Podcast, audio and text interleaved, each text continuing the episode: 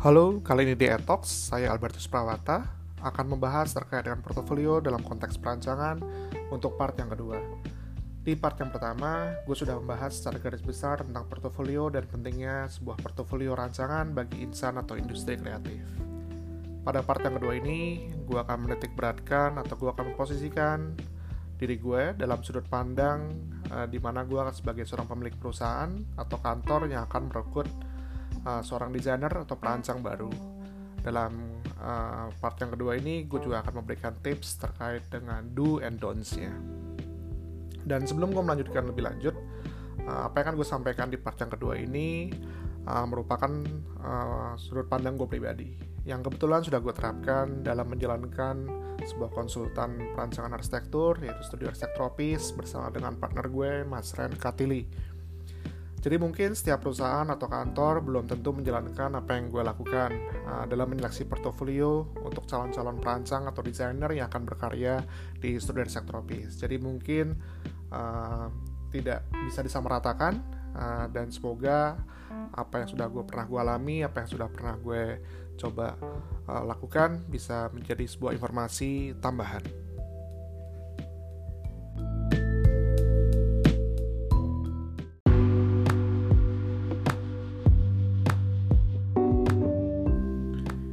Oke, nah sekarang gue akan memberikan tips dan sedikit uh, masukan terkait do's and don'ts ya. Yang pertama do's-nya, apa yang harus dilakukan. Nah sebenarnya ini bisa melihat kembali ke part yang pertama, di mana gue membicarakan secara garis besar pentingnya sebuah portofolio. Menurut gue pada intinya, portofolio itu harus bisa memberikan wow effect, sehingga begitu uh, si pembaca atau penerima portofolio, begitu melihat portofolionya, orang yang baca atau orang yang melihat portofolio ini dia harus terpesona pertama kali. Dia harus uh, penasaran dengan portofolio yang dilihatnya. Sehingga itulah menurut gue wow efeknya. Meskipun dia pertama kali dia nggak paham apa sih nih uh, gambarnya apakah ini ceritanya. Jadi dia udah penasaran dulu. Dan menurut gue kalau lu udah bisa atau menampilkan uh, wow efek tersebut menurut gue sudah berhasil. Nah wow efek ini faktor-faktor untuk menciptakan wow efek ini banyak sekali Salah satunya adalah color scheme. Jadi pemilihan warna uh, scheme warnanya dalam penyusunan portofolio ini menurut gue penting. Jangan sampai dia juga uh, terlalu banyak warna yang bermain di sana sehingga terlalu banyak yang berteriak warna-warnanya sehingga mungkin di mata jadi nggak nyaman juga. Lalu proporsi, komposisi, gambar, tulisan, judul ini menurut gue juga sangat penting ya jadi jangan terlalu ramai juga gambar-gambar mungkin juga perlu terlalu banyak atau bahkan terlalu sedikit sehingga mungkin esensi atau point of interest atau inti uh, sebuah uh, project yang ingin ditampilkan jadi malah hilang atau jadi malah tidak tidak terasa faktor wow-nya tadi.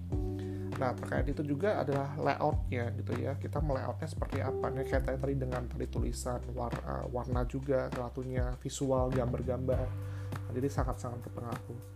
Lalu berikutnya terkait dengan bagaimana kita memposisikan uh, visual portfolio tadi, apakah kita mau layoutnya secara portrait atau landscape. Menurut gue juga dalam satu portfolio jangan dicampur-campur ya, ada yang ada yang lens, ada yang portrait, ada yang landscape uh, halamannya sehingga nanti yang membaca atau yang si penikmat portfolio itu juga bingung gitu. Kita membacanya malah sambil menggeleng-gelengkan kepala, gitu, sakit kepala sendiri gitu. Jadi udah jangan jangan membuat bete gitu lah intinya supaya uh, tetap happy terus yang yang melihat portofolio ini. Itu salah satu strateginya. Jadi be consistent juga salah satu halnya. Lalu gambarnya juga harus jelas. Jadi jangan membuat yang low res gambar gambarnya. Jadi ya dia harus high resolution. Sehingga uh, to the point intinya jadi uh, isi uh, si pembaca atau si penikmat portofolio pun yang men, melihat portofolionya itu juga tidak menebak-nebak. Ini gambar apa sih? Kok burem atau ini gambarnya tidak jelas dan seterusnya. Nah ini mungkin ada ada salah satu ada pro dan kontranya juga bagaimana kita bisa menyajikan gambar yang high resolution tapi tidak uh, over uh, size portofolionya gitu ya sehingga uh, jangan sampai over limit juga pada saat kita mengirimkan nanti portofolionya malah space-nya untuk mengirimkan via email malah, malah tidak cukup gitu ya. Nah itu juga salah satu hal dalam pengiriman portofolio yang mungkin file size-nya juga harus diperhatikan.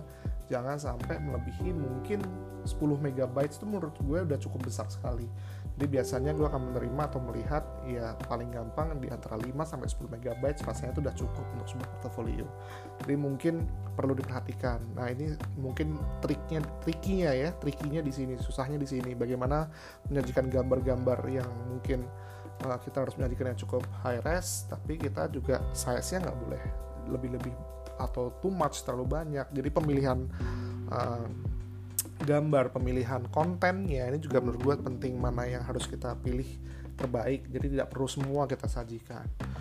Nah rasanya sih itu ya uh, secara garis besar dosnya yang harus kita pertimbangkan. Nah sekarang uh, donsnya ya kurang lebih apa sih donsnya gitu ya? Apa yang harus kita hindari Nah, uh, ya artinya pada secara garis besar intinya adalah kebalikan dari yang dusnya tadi. Pada saat kita pertimbangan portofolio, layoutnya udah berantakan, mungkin udah color scheme-nya berantakan, terlalu banyak warna yang berbicara di sana sehingga menyakitkan mata. Proporsi layoutnya juga kacau, mungkin juga proporsi antara tulisan dengan gambar tidak match, mungkin tulisannya terlalu besar sehingga sehingga gambar atau visualnya kecil sekali. Nah itu itu menjadi ilfil lah gitu ya begitu orang aduh ini aja layoutnya aja udah nggak bener nih. Um, warna pemilihan warna atau color scheme-nya kayak nggak punya taste gitu ya. Jadi seakan-akan jadi kayak ah ini cuma seada-adanya aja nih tidak tidak dipikirkan. Nah sekali lagi perlu dipertimbangkan seperti yang udah gue sampaikan di part yang pertama portofolio itu memang sebuah proses gitu ya. Gue juga merasa uh, dan ini mungkin juga share pengalaman yang sudah-sudah. Waktu gue sebelum berkarya di studio arsitek tropis uh, gue sempat bekerja juga di uh, beberapa konsultan dan gue juga sempat bekerja freelance dan uh, bersama temen gue juga uh, halo Ardiansyah. Ah ini ketua angkatan uh, angkatan gue dulu di uh, Unpar di Bandung gue sempat bekerja sama dengan dia beberapa proyek yang pernah kita lakukan pernah kita laksanakan bahkan dari kuliah gue juga udah udah berproyek dengan dia.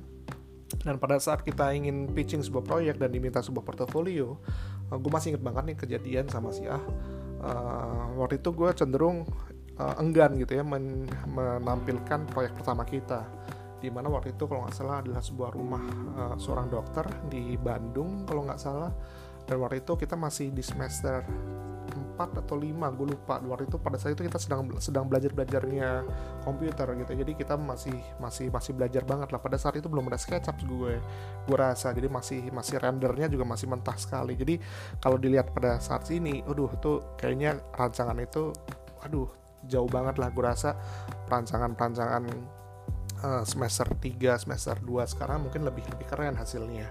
Pada itu gue udah nih yang uh, gue bicara sama si A, udah nih kayaknya gak usah kita masukin lah kayaknya kok kurang menarik. Tapi dia malah berkata sebaliknya nah ini nggak apa-apa ini terus kita masukkan. Ini menunjukkan proses ya, bahwa kita sudah pernah melakukan uh, proyek ini gitu supaya orang juga tahu bahwa kita sudah melalui proses ini. Nah dari situ gue membuka membuka wawasan gue gitu ya ternyata memang uh, penting juga gitu menunjukkan proses itu. Tentunya dari uh, proyek yang kecil proyek yang mid sedang sampai proyek yang besar kita sudah punya range yang pernah pernah kita lakukan meskipun secara visual pada saat itu memang kurang baik tapi uh, harusnya sih di mana gue juga menyampaikan ini di part yang pertama ya itu sebenarnya bisa kita olah lebih lanjut lagi gitu ya. Kita bisa buat rendering yang baru kita bisa buat 3D yang baru sehingga lebih menarik. Jadi sebelumnya nggak apa-apa juga gitu ya apabila proses uh, apa visual secara visual atau secara desain di tahap-tahap awal itu memang terlihat mungkin kurang meyakinkan atau kurang uh, sempurna. Karena memang namanya portofolio itu merupakan sebuah proses. Jadi yang melihat atau yang menerima portofolio tersebut pun tahu apa aja sih proyek yang pernah dilakukan uh, bagaimana sih orang itu juga akan melihat proses anda berkarya dalam dalam karir yang anda sudah lakukan ini. Jadi itu uh, salah satu hal yang penting gitu ya. Dan mungkin kalau emang ada waktu lebih banyak lagi ada kesempatan untuk bisa mengolah dan membuatnya karya-karya yang mungkin terdahulu dilakukan secara manual analog ataupun secara digital tapi kurang baik mungkin bisa di retouch lagi bisa di uh, redesign lagi bisa dibuat menjadi lebih baik lagi sehingga tampilan visualnya menjadi lebih menarik. Nah berikutnya juga rasanya ini juga sangat-sangat penting dan sering terjadi yang saat yang gue terima portofolio yang melamar ke studi tropis juga. Kadang-kadang ada yang membuat portofolio juga terlalu singkat. Jadi artinya cuma satu proyek saja. Atau bahkan proyeknya terlalu banyak gitu yang yang bahkan proyek-proyek yang nggak ada hubungannya dengan konteks arsitektur. Jadi kalau anda ingin melamar ke konteks yang studi arsitektur ya tentunya pasti mungkin proyek arsitekturnya yang lebih utamakan. Jangan proyek fotografinya atau jangan proyek yang uh, kaitannya dengan seni rupa melukis gitu ya. Nah itu mungkin bisa ditambahkan tapi jangan sampai itu menjadi dominan. Lalu juga uh, masalah file nih menurut gue juga selalu jadi momok sebetulnya. Nah dengan dalam dunia digital yang sangat-sangat cepat ini dan sangat-sangat mungkin membuat banyak orang semakin dimanja dan semakin diberikan banyak alternatifnya mungkin uh, teman-teman yang melamar ke suatu perusahaan atau suatu company perlu dilihat bahwa uh, tidak semuanya memiliki HRD yang sesuai gitu ya atau semua company atau konsultan-konsultan tersebut mungkin tidak punya HRD di mana memang tugasnya adalah menyeleksi karyawan-karyawan untuk bekerja di kantor tersebut. Kadang-kadang posisi HRD dipegang juga oleh uh, direkturnya atau presidennya sehingga dia akan menyeleksi sendiri terkait dengan karyawan-karyawannya. Nah, kadang-kadang ini perlu perlu diperhatikan uh, di mana mungkin orang-orang tersebut ini mobile sekali sehingga mungkin dia hanya mengandalkan handphonenya tabletnya atau bahkan mungkin jarang sekali menggunakan laptop ya karena mungkin dia sifatnya mobile bekerja sana sini mungkin juga kalau di kota-kota besar seperti contoh seperti, seperti Jakarta ini bahkan macet dan segala macam sehingga dia bisa melihat menerima mereview portofolio itu di jalan nah kalau filenya terlalu besar kadang-kadang ya mungkin kita juga udah males gitu ya open the filenya atau kadang-kadang corrupt uh, filenya karena terlalu besar sekali tadi. Dia mungkin perlu dipertimbangkan, perlu diperhatikan 5 mega uh, bytes sampai 10 megabytes rasanya masih normal.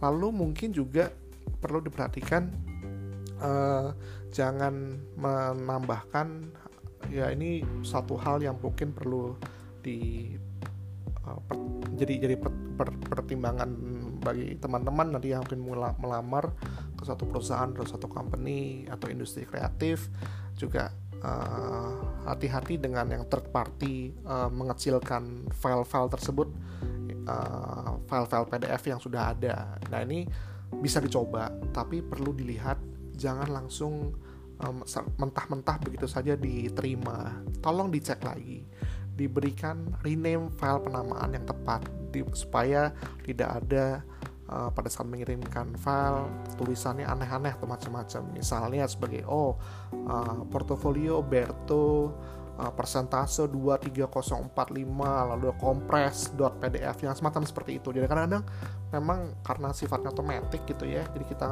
cemplungin ke third party tersebut untuk meresize file uh, PDF-nya kadang-kadang langsung kita save mentah-mentah langsung kita kirimkan begitu saja.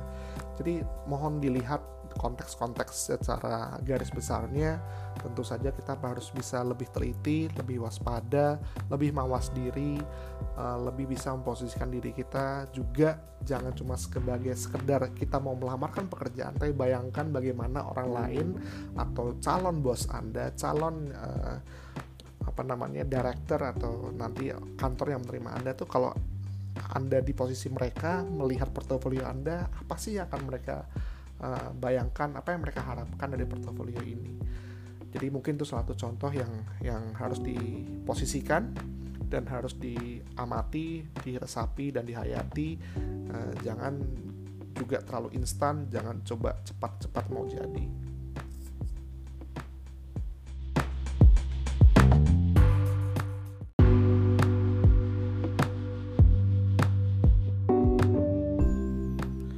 Ya, sekarang gue akan masuk ke segmen berikutnya, rasanya jadi segmen terakhir untuk di portofolio yang part kedua ini, yaitu kaitannya dengan etika mengirim portofolio atau melamar atau apply pekerjaan ke industri kreatif.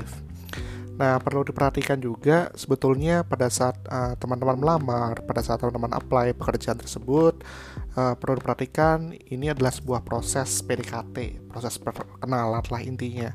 Ya sama kalau teman-teman naksir cewek atau cowok, tentunya PDKT dulu gitu ya nggak langsung tiba-tiba langsung nembak oh gue uh, suka sama lo jadian yuk gitu.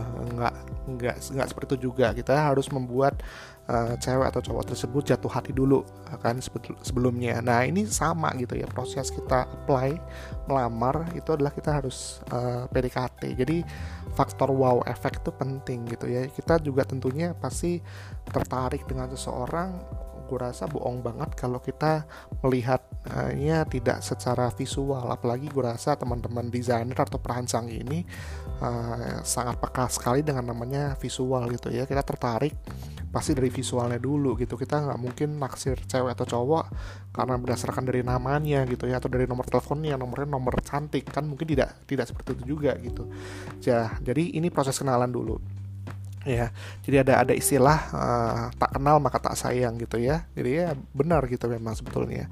Nah jadi uh, belum ada ikatan untuk perusahaan bahwa teman-teman diterima dalam satu perusahaan tersebut. Nah jadi uh, ini perlu diperhatikan. Jadi memang faktor-faktor tersebut kalau kita uh, sudah memberikan uh, sebuah apa ya istilahnya ya uh, niat yang nggak baik sudah membuat ilfil portofolionya jelek intensinya nggak bagus pasti orang juga udah pasti udah udah uh, menolak gitu ya nah ini perlu diperhatikan nah ini gue akan sedikit cerita mungkin yang kaitannya dengan bagaimana gue running sebuah konsultan bagaimana gue mencoba menyeleksi uh, karyawan-karyawan yang akan bekerja di studio sektropis ataupun juga teman-teman yang ingin magang di studio sektropis. Jadi prosesnya di studio sektropis ini sebetulnya pertama kali uh, adalah gue yang akan melihat pertama kali karena uh, email dan segala macam biasanya akan masuk ke gue dan gue akan melihat portofolio-portofolio yang sudah masuk. Dari sini gue akan melihat portofolio mana yang mungkin layak dijadikan kandidat dan itu juga pasti melalui beberapa tahapan, beberapa kaitannya dengan yang tadi yang tadi itu tadi yang gue sebutkan sebelum-sebelumnya gitu ya. Dan nanti juga akan gue tambahkan beberapa hal. Dari situ baru gue serahkan kepada Mas Ren. Nah biasanya Mas Ren nih yang lebih uh, ini nih yang lebih cerewet dalam artian uh, biasanya ya bahkan dicek dulu sosial medianya aktivitiesnya seperti apa instagramnya seperti apa twitternya bagaimana atau mungkin bahkan facebooknya anaknya asik atau enggak diajak ngobrolnya nyambung atau enggak.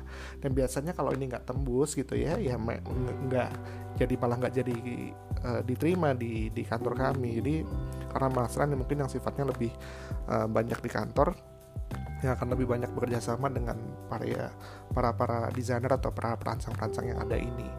Jadi di di sanalah yang akan nanti di dicek dilihat. Dan itu semua dilakukan offline. Jadi kita uh, by WA by phone call ya uh, direct message Nah, setelah itu kita undang interview, kita ngobrol langsung uh, dengan teman-teman yang akan uh, berkarya di seluruh sektor tropis. Nah, di situ kita akan lebih kenal lebih dekat lagi dan di situ diberikan penawaran dari kami, lalu juga kami akan meminta kira-kira lebih harapannya kurang lebih seperti apa dan kadang-kadang di situ terjadi kecocokan atau bahkan ketidakcocokan.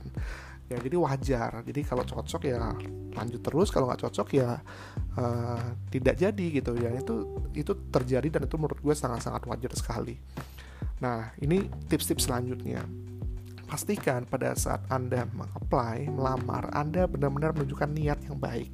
Niatnya tuh ada. Banyak sekali yang gue alami, dan ini mungkin juga menjadi cerita banyak teman-teman di industri kreatif yang juga mungkin uh, seperti yang gue lakukan sekarang uh, seakan-akan banyak teman-teman yang cuek terkait dengan hal ini. Etika tuh dalam apply melamar itu bahkan menjadi hal yang kesekian yang tidak diperhatikan gitu ya. Seakan-akan anda nggak butuh gitu ya. Seakan-akan anda cuma sekedar ya udahlah yang penting gue masukin udah usaha. Tapi usahanya menurut gue ya harus niat gitu harus serius. Contohnya adalah dengan menuliskan judul email Nah menurut gue judul emailnya penting gitu ya. Namanya kita meng-email kok gitu ya Pasti harus di, harus ada judulnya gitu. Karena bahkan ada yang no subject gitu ya. Ada kalau udah no subject nih mau ngapain gitu. Ya, jadi mungkin judul-judul email penting perlu disampaikan. Ini mau ngapain sih? Nah dari email judul email tersebut sebenarnya sudah tahu intensinya. Nah setelah itu menurut gue langsung to the point aja gitu ya setelah ada judul emailnya to the point aja mungkin kepada atau ditujukan kepada pimpinan perusahaan cukup gitu ya atau HRD perusahaan. Lalu perlu juga diberikan body email. The body email ini mungkin sebuah introduksi atau introduction sedikit, singkat sedikit menyampaikan siapa nama anda dari mana asalnya uh, mungkin tujuan intensi anda mengemail ke kantor apa gitu ya apa yang di, apa yang dibutuhkan apa yang diperlukan. Nah singkat aja tidak tidak perlu panjang lebar lalu mungkin disertakan CV anda beserta dengan portofolio anda. Sesimpel itu sebetulnya ya. Atau pada apabila tidak ingin menceritakan di body email terkait dengan uh, perkenalan Anda, nama, identitas, lalu juga asal-usul Anda, sekolah, riwayat hidup dan segala macam, ya Anda mungkin bisa sampaikan di CV Anda gitu ya. Nah, CV ini juga tentunya juga ya to the point aja, langsung singkat aja. Banyak sekarang template-template CV yang menurut gue sudah bagus. Teman-teman tidak perlu me, me apa namanya mendesain secara rumit-rumit, secara complicated. Banyak pakai template Microsoft Word aja udah selesai cukup. Karena menurut gue di situ cukup ditampilkan hal-hal yang important yang yang penting. Uh, ya bahkan cenderungannya kalau gue pengalaman yang pengen gue udah lakukan kadang uh, transkrip nilai uh, IPK atau bahkan sertifikat-sertifikat yang teman-teman sudah pernah uh, dapatkan itu bahkan nggak tidak gue lihat ya. Kadang-kadang yang gue lihat ya coba itu CV langsung berikutnya portofolio selesai seperti itu. Jadi bisa bisa dipilih nih yang CV dan CV-nya bisa di attach atau bisa melalui body email. Dan sekali lagi kalau melalui body email ya to the point aja singkat.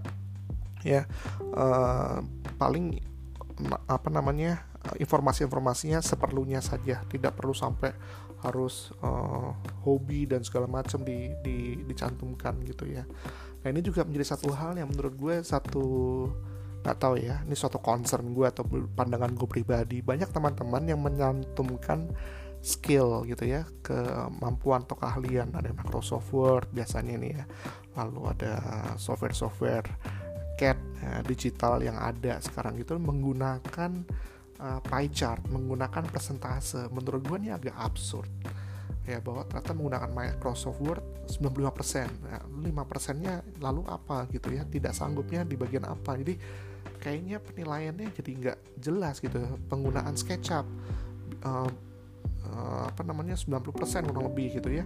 Nah ini lalu 10% nya apa gitu? Tidak tidak bisanya di mana gitu. Jadi kadang-kadang penilaian ini menurut gua agak aneh gitu ya. Uh, menilai kemampuan skill digital maupun skill yang ada menggunakan pie chart atau menggunakan persentase gitu ya. Atau menggunakan ada bintang ada yang sampai kalau bintang 5 itu berarti ya uh, apa namanya top atau bahkan bintang 7 gitu ya kayak kayak obat sakit kepala. Uh, paling bagus atau yang bintangnya cuma satu berarti tidak tidak menguasai. Menurut gue ya kayaknya itu penilaiannya menurut gue nggak nggak nggak secara real gitu ya karena menilai diri sendiri. Mungkin tuh semua bisa diwakilkan menggunakan portofolionya gitu ya. Nah uh, eh, gue rasa gue yakin kalau emang teman-teman bisa SketchUp dengan baik portofolionya akan menunjukkan kok bahwa ini SketchUpnya emang baik gitu. Berarti lo yang membuat lo yang, lo yang mengerjakan harusnya seperti itu kan ya. Uh, kalau emang ini Photoshopnya emang bagus. Berarti skill Photoshopnya emang emang bagus keren gitu. Jadi tidak perlu dicantumkan menggunakan pie chart atau persentase yang menurut gue malah membingungkan itu gitu. Atau yang bahkan cenderung absurd bagi bagi gue menilai diri sendiri menggunakan presentasi atau pie chart tersebut. Ya tunjukin aja melalui portofolionya ya. Dan portofolio keren gue rasa ya pasti skill komputer lo keren gitu. Sesimpel itu. Nah terus uh, yang berikutnya apa lagi ya? Uh, nah ini juga sering terjadi ya. Uh, ya ini mungkin karena panik gitu ya atau last minute gitu ya menggunakan uh, seakan-akan karena mungkin um, mau mau gampang mau cepat gitu ya semua email konsultan yang ada di seluruh penjuru dunia dimasukkan ke dalam uh, to-nya itu ya addressnya ditujukan kepada siapa? To studio ini, konsultan ini, konsultan A sampai kita semua tahu oh ternyata Anda itu melamar ke semua konsultan tersebut gitu ya melalui address di emailnya itu. Nah, itu ada kejadian seperti itu. Itu menunjukkan menurut gue ya berarti ini cuma pengen asal masuk aja gitu ya nggak ada intensi khusus gitu ya jadi menurut gue itu juga suatu kekecewaan sih kalau gue bisa seperti itu gitu ya ada yang lebih parah lagi ini lebih parahnya lagi adalah uh, di body emailnya karena salah misalnya ingin uh, dia mengemail kepada studio, studio arsitek tropis kepada ditujukannya kepada yang terhormat kepada kepala pimpinan studio yang lainnya gitu. Nah itu menurut gue juga suatu kekonyolan gitu ya. Uh, ya kurangnya ketelitian kurangnya dicek lagi dan ya tadi ya pengennya instan cepat nah itu hati-hati gitu ya. Coba dicek dan recheck sekali lagi. Nah terus ini juga satu hal yang perlu dipertimbangkan uh, menurut gue juga tidak terlalu penting bahwa anda menyatakan kenapa sih harus anda bekerja di studio tropis. Karena tuh itu tadi gitu ya. Uh, pengiriman portofolio pertama kali anda itu sebenarnya adalah untuk introduction pertama kali anda sebagai apakah kita tertarik atau enggak gitu ya. Nanti mungkin perkenalan lebih lanjut, bagaimana Anda mengenal studi aset tropis, apa yang Anda harapkan dari studi, studi aset tropis, atau konsultan-konsultan lainnya, atau kantor-kantor arsitek lainnya, atau kantor-kantor desainer lainnya, itu sebelumnya Anda sih memang harusnya sudah sudah research dulu, oh ternyata kantor A, kantor B, kantor C, kantor D itu punya keistimewaan masing-masing seperti ini. Harapan proyek-proyeknya juga seperti ini. Sudah bisa dilihat di website di Instagram di sosial media kantor-kantor tersebut. Jadi harusnya sudah punya gambaran. Jadi sebelumnya tidak perlu juga dijelaskan di email itu bahwa kenapa sih studi tropis atau kantor A atau kantor B atau kantor C harus menerima Anda. Itu nanti mungkin bisa dijelaskan pada saat sesi interview. Pada saat Anda lolos ke tahap tahap berikutnya, nah sekarang udah dipanggil interview nih. Istilahnya kalau dalam PDKT di pacaran sebelum pacaran Anda sudah bisa dapat nomor handphone atau nomor WA-nya nih. Nah, bisa chat sekarang setiap malam. Nah ini tahap interview nih. Masuk ke situ. Nah di situ nanti pasti rasanya uh, prinsipal arsitek ataupun juga uh, bos-bosnya gitu ya pasti akan tanya kenapa sih milih studi tropis? Apa yang anda ketahui studi tropis? Nah di situlah anda bisa cerita. Karena saya itu akan lebih personal akan lebih pribadi dan tidak perlu anda sampaikan sebelumnya atau bisa uh, di body email bahwa kenapa anda harus bekerja di kantor ini kenapa harus anda harus diterima di sini dan seterusnya. Karena menurut gue pada saat anda mengirim di email ini uh, bagian dari Anda melemparkan kait pancing dulu gitu ya. Nah, nanti pada saat Anda diangkat, Anda punya kesempatan untuk interview, dapat uh, kaitnya gitu ya, seakan-akan dapat dapat ikannya gitu ya. Nah, baru deh Anda bisa menjual diri Anda dalam tanda kutip tentunya secara baik, secara positif. Uh, kenapa sih uh, kantor A atau kantor yang Anda apply tersebut harus memilih Anda menjadi salah satu perancangnya atau desainernya. Nah, itu bisa terjadi diskusi yang lebih intim, diskusi yang lebih uh, jelas, lebih diskusi yang lebih honest, yang lebih jujur gitu ya, sehingga ada kegiatan ada apa tatap tatap wajah yang langsung gitu ya, sehingga kita bisa melihat ekspresi dan rasanya itu di situlah bisa ada sebuah penilaian akhir.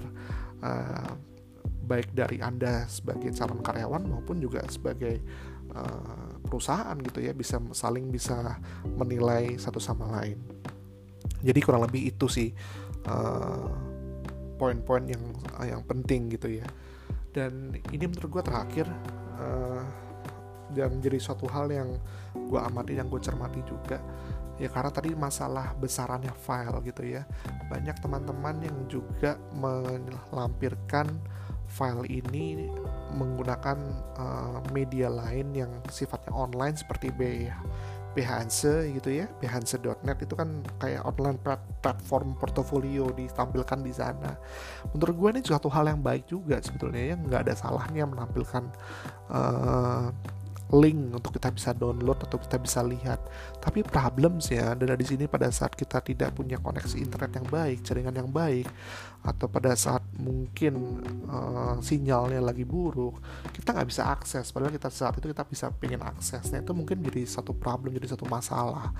Uh, tapi ya mungkin bisa dieksersis karena mungkin ke depannya metode ini mungkin salah satu hal yang yang perlu menjadi pertimbangan tapi mungkin perlu diperhatikan juga faktor tadi ya yang sifatnya konvensional perlu dipikirkan lalu juga menaruh portfolio ini di di cloud gitu atau di Google Drive atau di, di yang sifatnya orang tuh harus mendownload dulu harus membuka zipnya atau membuka RAR-nya gitu ya repot gitu. Nah menurut gue ini udah membuat suatu kebetean gitu ya orang udah buka-buka itu ternyata begitu dibuka hasilnya mengecewakan. Nah itu lebih parah lagi menurut gue. Jadi hindari hal-hal yang seperti itu. Jadi mungkin kalau kita menaruh di cloud kita menaruh di drive seperti itu uh, jangan deh saran-saran uh, gue sebaiknya ya yang konvensional saja kita resize filenya kita pasti pastikan clear jelas jangan sampai pecah gambarnya. Kita pdf kan dan kita emailkan secara standar biasa saja. Uh, rasanya itu akan lebih lebih lebih to the point lebih straightforward. Uh, bahkan gue juga uh, banyak etika-etika yang seperti ini yang kadang-kadang juga menyebalkan gitu ya. Uh, seharusnya ya kayak tadi yang gue sebelum, sampaikan sebelum sebelum sebelumnya gitu. Coba deh posisikan diri diri teman-teman diri anda sebagai si itu sebagai apa namanya si prinsipalnya gitu atau sebagai HRD-nya sebagai direkturnya pada saat anda membuka portofolio yang Anda kirimkan tadi, kalau Anda harus buka di drive, lalu foldernya banyak sekali, nggak dikompel jadi satu, berantakan dan segala macam, sebel nggak? Ya kalau Anda aja udah sebel, gimana orang lain gitu ya, yang bukan, yang nggak tahu Anda siapa, yang nggak tahu karya Anda siapa. Ya, jadi kurang lebih uh, secara garis besar, rasanya itu yang ingin gue sampaikan terkait dengan etika untuk uh, mengirimkan portfolio dan juga untuk apply uh, pekerjaan dalam industri kreatif.